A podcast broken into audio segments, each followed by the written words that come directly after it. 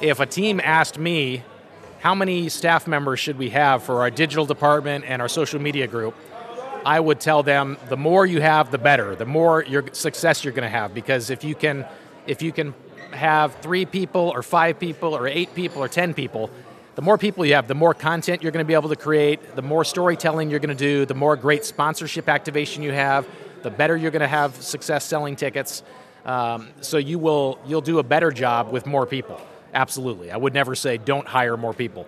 But for teams that are in situations where they just can't afford to hire more people, or a digital person who doesn't have staff to help him, um, I wouldn't be too discouraged because you can still make an impact. You can still interact with fans and let fans know how much you appreciate them, and you can share content from other places, other people in your organization, or your players, or the media, or fans, so that your social media channels as a team looks like you're putting out a lot of content, even though it's really coming from other, other places, and you're just kind of aggregating it, pulling it together, and distributing it.